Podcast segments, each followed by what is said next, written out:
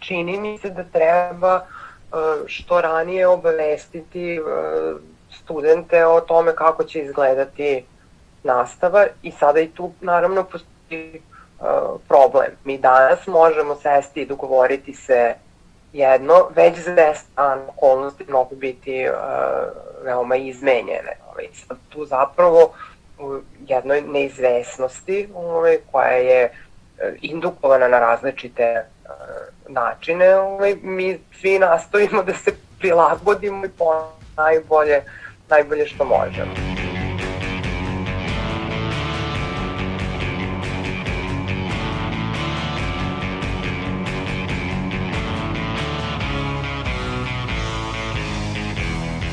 Slušate novo izdanje podcasta Reaguj, nezavisnog društva novinara Vojvodine.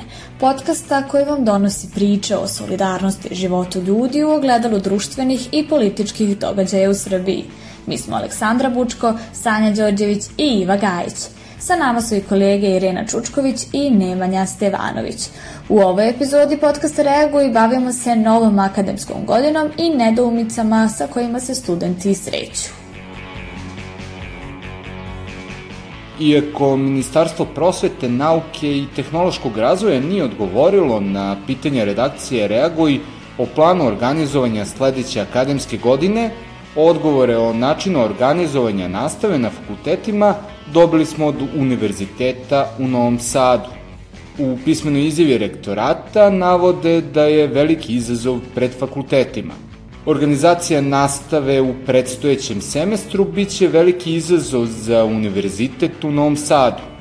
U narednom periodu fakulteti trebaju doneti odluke o najadekvatnijem modelu nastave, uvažavajući trenutnu epidemiološku situaciju i specifičnosti obrazovnog procesa na svakom fakultetu. Za očekivati je da će to biti neka kombinacija redovne i online nastave – Sve aktivnosti na fakultetima organizovane su u skladu sa odlukama, uputstvima i preporukama za postupanje u uslovima pandemije. To podrazumeva prolazak kroz dezobarijere, merenje temperature prilikom ulaska, korišćenje lične zaštitne opreme, poštovanje fizičke distance, intenzivno čišćenje prostorija, redovno provetravanje i drugo. Stoji u mailu rektorata Novosadskog univerziteta. Fakulteti svih univerziteta u Srbiji se uveliko spremaju za jesenji semestar nove akademske godine. Međutim, jedan od specifičnih fakulteta jeste i Fakultet sporta i fizičkog vaspitanja Univerziteta u Nišu, koji u svom studijskom programu ima i neizbežne praktične vežbe koje se odvijaju u grupama u zatvorenim ili, ako vreme posluži, otvorenim prostorima. Dekan ovog fakulteta, profesor dr. Milovan Bratić, za podcast Reaguj kaže da su na osnovu iskustva u letnjem semestru sa smanjenim praktičnim vežbama i prethodnih preporuka resornog ministarstva spremili tri scenarija za odvijanje nastave. Koji će scenario biti primenjen zavisit će od preporuka Ministarstva prosvete, Republičkog kao i Gradskog kriznog štaba. Mi smo na fakultetu napravili tri načina na koji ćemo, tri opcije moguće kako ćemo izvoditi nastavu. Jedan je kao da se ništa nije dešavalo, ako to, to ne verujem da ćemo opet sprovesti.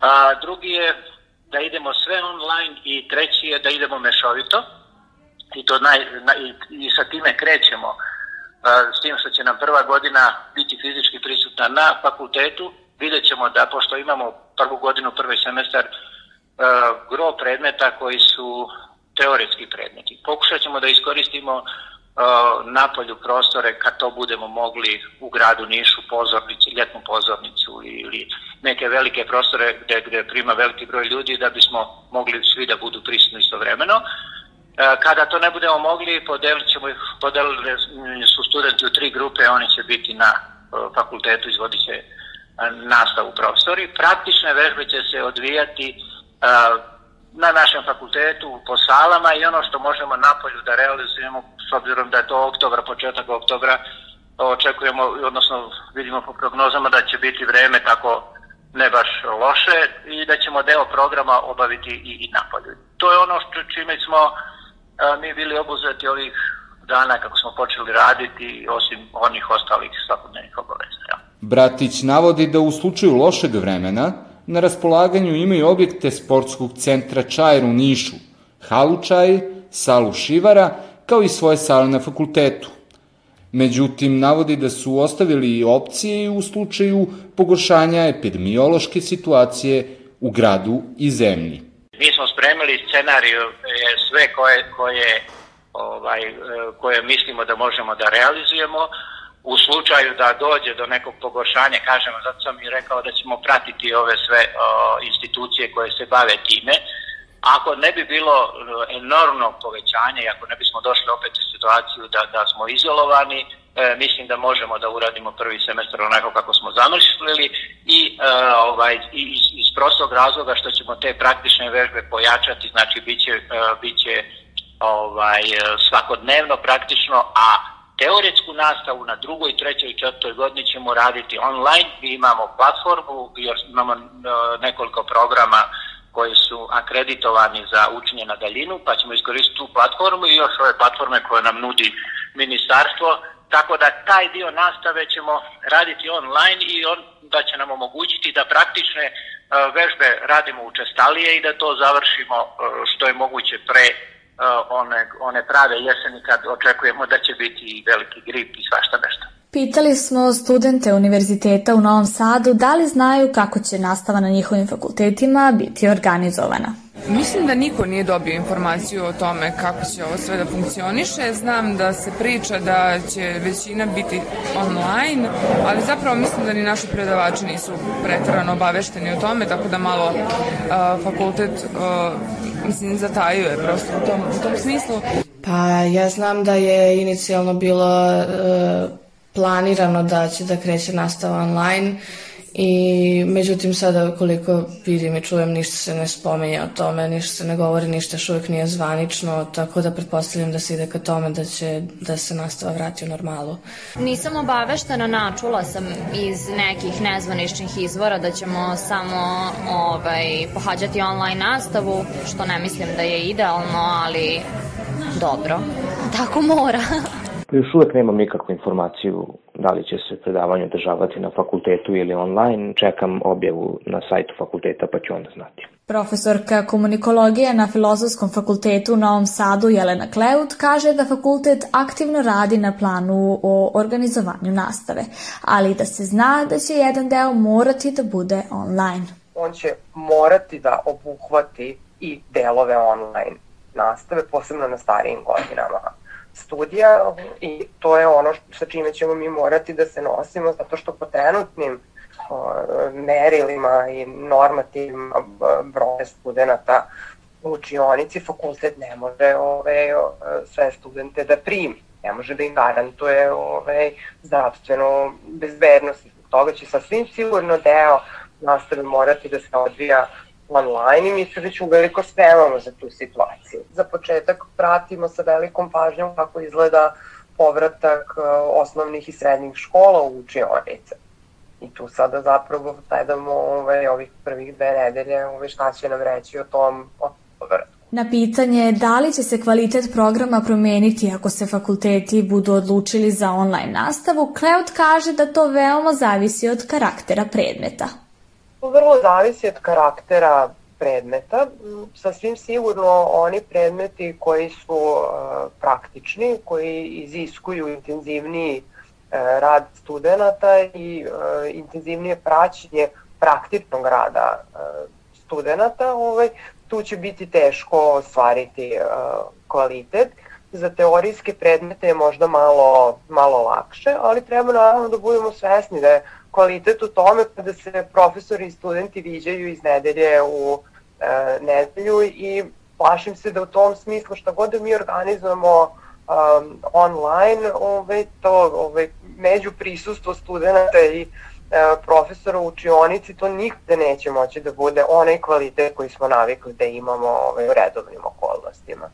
Direktan vid nastave se ne može zameniti online nastavom. To posebno važi za brucoše koji dolaze u novu sredinu na koju se moraju prilagoditi, što bi online nastava još više otežala, kaže Kleut. Važan je direktan vid nastave za sve, za brucoše posebno zato što je to promena sredine, promena načina rada, režima, učenje, puno tu novih stvari koje brucoći moraju da savladaju ovaj, kao zapravo nekakav nu korak da krenu dalje, to je uspešno savladavanje gradiva.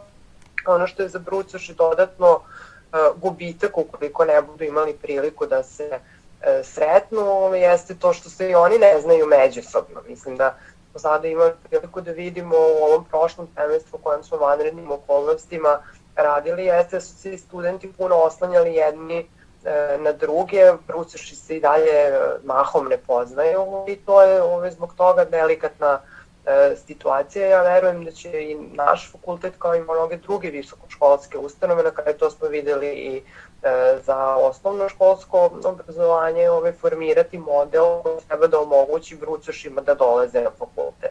Kleot objašnjava da fakulteti moraju da procene opasnost od širenja koronavirusa i uporede je sa svojim kapacitetima, odnosno sa mogućim brojem studenta koji mogu da prisustvuju nastavi. Profesorske strane mi priželjkujemo isto ono što priželjkuju, verujem i studenti, a to je da se što pre vidimo uživo. Stvar je samo u tome što sve obrazovne institucije, pa tako i naša, procenjuje sa jedne strane opasnost od širenja epidemije, procenjuje svoje kapacitete u odnosu na ono što su propise merila o odmljenom broju studenta u učionici i u skladu sa tim ćemo dati zaista sve od sebe da, da obezbedimo što god je mogu nastavu datim okolnostima. Kako studenti i dalje ne znaju kako će nastava biti organizovana, oni ne znaju da li treba da traže stanove, da se pripremaju za ponovno seljenje ili će pak ostati kod kuće. Kleut objašnjava da zbog neizvesnosti cijele situacije povodom epidemije, fakulteti ne mogu doneti odluku koja se sigurno neće promeniti do početka nove akademske godine. Mislim da i dosta je, to je da čini mi se da treba što ranije obavestiti e, studente o tome kako će izgledati nastava i sada i tu naravno postoji e, problem. Mi danas možemo sesti i dogovoriti se jedno, već za 10 dana okolnosti mogu biti veoma izmenjene. Ovaj, sad tu zapravo u jednoj neizvesnosti ovaj, koja je indukovana na različite načine, ovaj, mi svi nastojimo da se prilagodimo i po najbolje, najbolje što možemo. Kleot objašnjava i da postoji mnogo prepreka u online nastavi i dodaje da kontakt nastavu ništa ne može zameniti.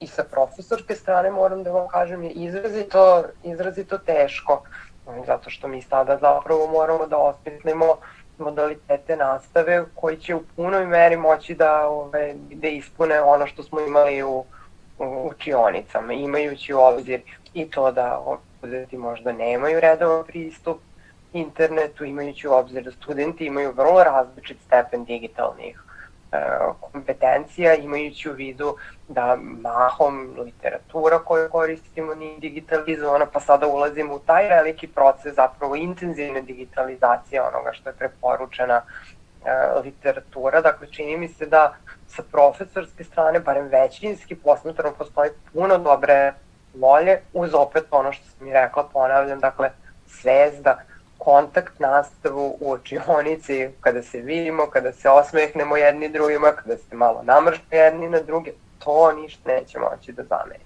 Kako će se nastava odvijati još se ne zna, navodi Jelena Mirić, studentkinja prodekanica na Filozofskom fakultetu u Novom Sadu. Pa konkretne informacije bi trebalo da dobijemo u petak, s obzirom da je petak predviđen za nastavno naučno veće, na kojem i ja prisustujem kao studentkinja prodekanica, tako da tek od petka bi svi studenti čitava zapravo struktura trebalo nekako da, da dođe do izražaja, odnosno da znamo u kom smeru zapravo idemo u narednoj akademskoj godini. Ono što jeste sigurno jeste da će morati da se prave kompromisi, navodi Mirić. Pa znate kako, svaki fakultet će nekako uspeti, to je odnosno pokušat će da prilagodi nastavu u skladu sa svojim kapacitetima. Ono što je meni donekle poznato jeste da, da se pokušava napraviti kombinacija online nastave i nastave koja će biti naravno ovaj, dolaskom na sam fakultet. A, ono što je važno jeste i što smo i mi apelovali kao studenti da ako već neko mora pod navodnicima da ispašta u, u online nastavi, da to ne budu nikako bru, brucoši, iz razloga što smatramo da njima ta fizička, sama ta komunikacija, da budu prisutni na samoj nastavi puno važnije nego nama koji smo na ovaj, starijim, odnosno na višim godinama. Mirić smatra da kompletna online nastava nije fair jer njome ne može da se postigne pun potencijal. Pa iz moje lične perspektive nije okej, okay jer smatram, mislim, nekako dajem vetar u leđa da će ovaj sad princip srednjoškolaca nekako zaživeti, da će biti ok sa svih strana i da naprosto nekako da ćemo i mi uspeti što više naći modela da ta nastava ipak ne ide online, jer nekako mislim da to nikome nije u interesu, ni kako studentima, tako ni, ni samim profesorima kojima je puno jednostavnije držati i konsultacije i nastavu uživo, a ne ovaj putem Zuma ili, ne, ili nekih društvenih mreža, mailova ili tome sliče. Na pitanje da li je u redu da se još ne zna kako će funkcionisati nastava u periodu kada studenti uveliko treba da pronalaze stanove, Mirić odgovara da odluka zavisi od viših institucija. Pa nekako mislim da tu nije samo do fakulteta, da je tu i do univerziteta i do čitavog, čitavog protokola i kako sa ministarstvom i sa određenim institucijama, tako da naprosto da, se, da je samo do nas kao fakulteta, nebitno da li se radi o filozofskom fakultetu ili nekom drugom, mislim da bi to puno nekako lakše išlo i, i, ovaj, i bio bi, bi brži proces nego, nego kada je tu više, više ljudi uključeno u čitav proces odluke. Tim Kreni promeni aktivno se zalaže za smanjenje školarine za sledeću akademsku godinu. Ovaj pokret osnovan je pre godinu dana i putem online peticija želi da doprinese rešavanju različitih problema zajednice. Do sada su pomagali inicijativi Sačuvajmo naš parkić, učestvovali u prikupljanju potpisa za oslobađanje Aleksandra Obradovića, kao i za narodnu inicijativu u ime kulture. Kako kaže Nikola Arsenić iz tima Kreni promeni, ova grupa građana krenula je sa radom u vezi sa uticajem pandemije na studente u junu, kada su se brucoši prvi put javili za pomoć. Mi smo u junu već počeli kad se otvorilo ovaj, kad je počelo sa prijemnim ispitima i, i već su počeli da se javljaju brucoši, budući brucoši, sa problemima oni koji su oboljeli od korone ili oni koji su imali meru izolacije, samoizolacije, da 14 dana ne mogu da izlaze, a u tom terminu im je prijemni ispit. I onda je bio, to je bio nekako prvi okidač kada smo krenuli sa tim, da se prosto njima obezbedi dodatna prilika da oni mogu da izađu na te prijemne ispite, njima propada naredna godina. Oni ne mogu da se bore za budžete, oni ne mogu ništa. Mislim, njima tada ostaje samo da plate godinu, koja će isto kasnije da se pojavi kao neki problem kojim ćemo se opet baviti. A pored toga opet su se, ja sam imao mnogo mojih prijatelja, mislim, ja lično nisam imao taj problem, ali mnogo mojih prijatelja je bilo, ne znam, jedna drugarica je bila 35 dana pozitivna i propustila je dva roka. I ona, ona nema šanse za budžet. I onda to je prosto nekako mnogo ljudi je bilo u toj situaciji, javilo se, ne znam, zvaničan podatak je bio oko 300 studenta, zavoda za, za ove poliklinika studentska, ali mislim da je to malo veći broj opet, verovatno i prosto se njima obezbedi dodatni ispitni rok. I već tada su oni govorili da je to previše mali uzorak studenta, da bi se to obezbeđivalo i nekako naša prva ideja tada je bila da ko zna koji broj studenta ima nekih dodatnih zdravstvenih problema pa iz tih razloga ne sme da rizikuje ili još neke stvari koje tu se dešavaju. Onda smo morali da obuhvatimo obe te grupe i studente koji su već pozitivni, da sa medicinskom dokumentacijom mogu da obezbede dodatni ispitni rok i studente koji su uh, studente koji nisu pozitivni, ali prosto, eh, ali onemogućeni su bili da idu. Da li je to sad zbog porodice, gde imaju ugroženih članova porodice, pa ne izlazi iz kuće, pa se nalaze sa njima u izolaciji, tu je milion sad razloga, to smo u razgovorima sa studentima već došli do toga. Tim Kreni promeni je izneo zahtev o smanjenju školarine za narednu akademsku godinu za 30%. Kako kaže Arsenić, postoje osnovi za tužbu koju će podići ukoliko dođe do neispunjenja zahteva za smanjenje školarine.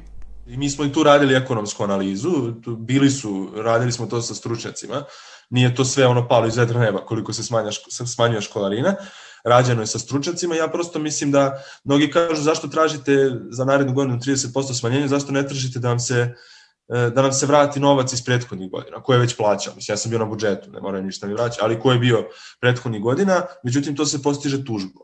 Mi ćemo, ako bude problema, tužiti i taj novac će, na kraju će se vratiti. To je osnov za tužbu, imamo, to je delo neosnovano bogaćenje, znači, imate dve ugovorne strane, ukoliko jedna strana prekrši taj deo ugovora, sad ono lajički objašnjam, ja nisam diplomirao, studiram prava, nisam diplomirao, pa ne volim da pametujem, ali ukoliko jedna strana prekrši ugovor, zna se šta sledi. Tako da online predavanja koja nam je govoreno da su bila, nisu bila. Vrlo jednostavno. I tih 600 kontingent 600 časova nije ispunjen. Tako da uh, mislim da će morati da se usvoji, moje očekivanje sam mora da se usvoji. Iako tu i mi studenti moramo da pokažemo i kičmu i glas i milion stvari, solidarnost još jednom. Arsenić kaže da je ministarstvo predložilo smanjenje potrebnih bodova za budžet umesto smanjenje školarine kao takve. On to ocenjuje kao pokušaj izbegavanja većeg problema. Sakupili smo preko 11 tipa, 11, preko 11.600, mislim sad, već nisam siguran, nisam ulazio ali preko, predato je oko 11.000 i ne znam koliko potpisa je predato ovaj, predsjednici Konusa. Mi idemo na Ivanku Popović jer ona tu predsjednica Konusa i prosto tu idemo na savet, na savet uh, univerziteta i uh, pa moje očekivanje da mora da se prihvati. Ja ne znam, mi nećemo odstupiti. Ne, ne postoji mi, oni su pokušali sad razvodnjavanje te akcije sa smanjenjem bodova za budžet, da se to, to je predložio ministar, da se smanji sa 48 na 42, ali ne znam, meni se to lično čini kao da se ide onom linijom kao ajde da smanjimo kvalitet, da idemo na to, na smanjenje kvaliteta, a ne na smanjenje ovoga što je evidentniji problem. Znači, smanjit ćemo sa 48 na 42, neka taj kriterijum bude ta onako, ja ne volim da kažem, mnogima odgovara to smanjenje, tako da to je onako prilično popularna mera među studentima, složit ćete se, ali to kao više negativna selekcija nego pozitivna selekcija. Možda bi nekim studentima smanjenje potrebnih bodova i odgovaralo, ali brucošima definitivno ne bi. Arsenić smatra da nema smisla platiti celu školarinu ako će nastava biti organizovana online. Zamislite brucoša koji treba da upiše fakultet, koji ima jednu sliku o tom fakultetu I sad on, on mora da upiše da, sa, sa, da plati punu školarinu student koji nije mogao da upiše u prvom roku. I sad oni su rekli da, će, da, da je proširen taj kontingent mesta za brucoše, da će u drugom ispitnom roku biti i obezbeđen budžetskih mesta za brucoše. Doduše, juče je izašlo u politici, ja nisam vidio da je u drugom ispitnom roku, da je u drugom roku pa ćemo, i to pitanje će morati da se pokrene ponovo, da vidimo samo šta se tu desilo. I vi imate e, to pitanje i ti studenti će sad platiti, ne znam, na ETF-u ovde u, u Beogradu 240.000 dinara godina za softverski inženjer. I sad zamislite studente koji plaća 240.000 da bi radio projekte online. To nije, to nije, nije ok prosto. A fakultet e, komunalije ne funkcionišu, ne, nema struje na fakultetu, neki studenti nemaju, evo u Novom Sadu, meni mnogi moji drugari su na FTN-u koji hvale uslove na FTN-u. I sad ima tu ljudi koji nemaju te uslove kući, nego dođu u internet laboratoriju na Fakultetu tehničkih nauka i koriste, te internet, koriste internet, koriste kompjutere koji su dovoljno dobri za te programe. I oni to sad ne mogu da koriste. Tako da se, samo se dodaju ti troškovi, dodaju se sve i vi onda imate i 72.000 ljudi koji ostane bez posla zbog ove krize. To su, već, to su roditelji nekih studenta. Arsenić naglašava i da zahtev za smanjenje školarine nije postavljen samo u Srbiji, već da se na svetskom nivou univerziteti odlučuju za smanjenje školarine i to čak do 65% za već upisane studente i 100% za brucoše. Ponavljam, mi smo uporednom analizom našli da je već 85 univerziteta sredinom maja imalo rešeno pitanja e, tih olakšica studentima. Negde je to bilo smanjite školarinu za 65% na svetskom nivou na svetskom nivou. Imali ste američke univerzitete, e sad imali ste taj recimo Roland University, mislim da se tako zove, koji je imao za 10% smanjenje, koje je bilo malo smanjenje. Imali ste drugi univerzitete koji su smanjivali za 65%, jedna od najskupljih škola u Americi koja je smanjivala za 65%, a za brucoše koji tek upisuju za 100%, koji su prvi put na fakultetima, imaju besplatno. Imali ste uh, Harvard koji je opet nije smanjio školarinu, ali je na neke načine pokušao da olakša te studije i tužili su ih studenti, zato što nije smanjena školarina. Yale su studenti tužili. I vi sada imate neke uh, sada ne ulazim to pravno, ali imate procese koji su vrlo nezgodni po te univerzitete koji mogu da plate ogromne odštete. To je nešto što i mi sada imamo kao vrlo moguću soluciju. Da, ako se ovde podnesu tužbe, ovde je vrlo evidentno prekršen zakon. Zakon o visokom obrazovanju predviđa e, fond časova od 600. Da li ste imali 600 časova? Arsenić kao cilj ističe i solidarnost među studentima sa različitih univerziteta u Srbiji. Kako kaže, ovo se tiče svih studenta, a ne samo beogradskih i baš zato moraju ostati ujedinjeni i podržavati jedni druge. I meni je drago da sad imamo, čini mi se da u onom prvom delu, kada je bilo je napravljena greška, da nije stvorena to dovoljna solidarnost između studenta iz Novog Sada, Beograda, Kragujevca, previše je bilo koncentrisano na Beograd. I mi se sad stvarno trudimo, ne znam, mi smo otišli, e, skupili smo se iz Beograda da odemo u Kragujevac, e, pre, ne znam, dve nedelje, koliko već, da podržimo Petra Lazarevića koji nema da plati školarinu. To je nekako prvi slučaj koji je izašao u javnost sa tim, da on nije mogao, on nije otišao na upisni rok jer nije imao novca da donese za upis, a ostoje dva, dva mesta ispod crte. Odreli smo njega da podržimo, da iskažemo solidarnost, da predamo zahteve i tu studentima iz Kragujevca je drago kada vide da studenti iz Beograda pokazuju solidarnost. Kao što je studentima iz Novog Sada s kojima smo konstantno u kontaktu, drago da se mi sutra nađemo u Novom Sadu ili u Beogradu gde bude centar taj odlučivanja, verovatno će biti u Beogradu i mi ćemo pozvati studenti iz Novog Sada, studenti iz Kragujevca, iz Niša, da se skupimo svi zajedno, jer ovo se tiče svih nas. A ne da opet bude samo taj centar koncentrisan, neka univerzitet u Beogradu donese odluku za sebe, a šta će biti s Novim Sadom i Kragujevcom, to to neka se dogodi, ili Nišem ili Prištinom, tako da je to cilj, da se ta da budemo nekako sjedinjeni, da, da se ispravi ta greška iz prvog puta. Meni se to čini kao greška. U ovoj epizodi podcasta Reaguj govorili smo o novoj akademskoj godini, online nastavi, ali i školarini i zahtevima studenta u slučaju da se nastava održava u celosti online. Zaključili smo da se uobičajeni vid nastave na fakultetima ne može zameniti online nastavom, te da će, ako se to desi, studenti dosta izgubiti na kvalitetu programa, pogotovo kada su u pitanju praktični predmeti. Do sledećeg slušanja odjavljujemo i ovo izdanje serijala Reaguj, podcasta Nezavisnog društva novinara Vojvodine. Da biste bili obavešteni o našim najnovim epizodama, prijavite se na naše kanale. Na iTunesu, Stitcheru, Castboxu, Sounderu, Google podcastima, kao i na sajtu podcast.rs. Ocenite naše sadržaje i naravno pišite nam ukoliko imate neki komentar ili sugestiju. Naša mail adresa je podcast.ndnv.org. Ukoliko želite da nas podržite, to možete učiniti na sajtu donations.ndnv.org.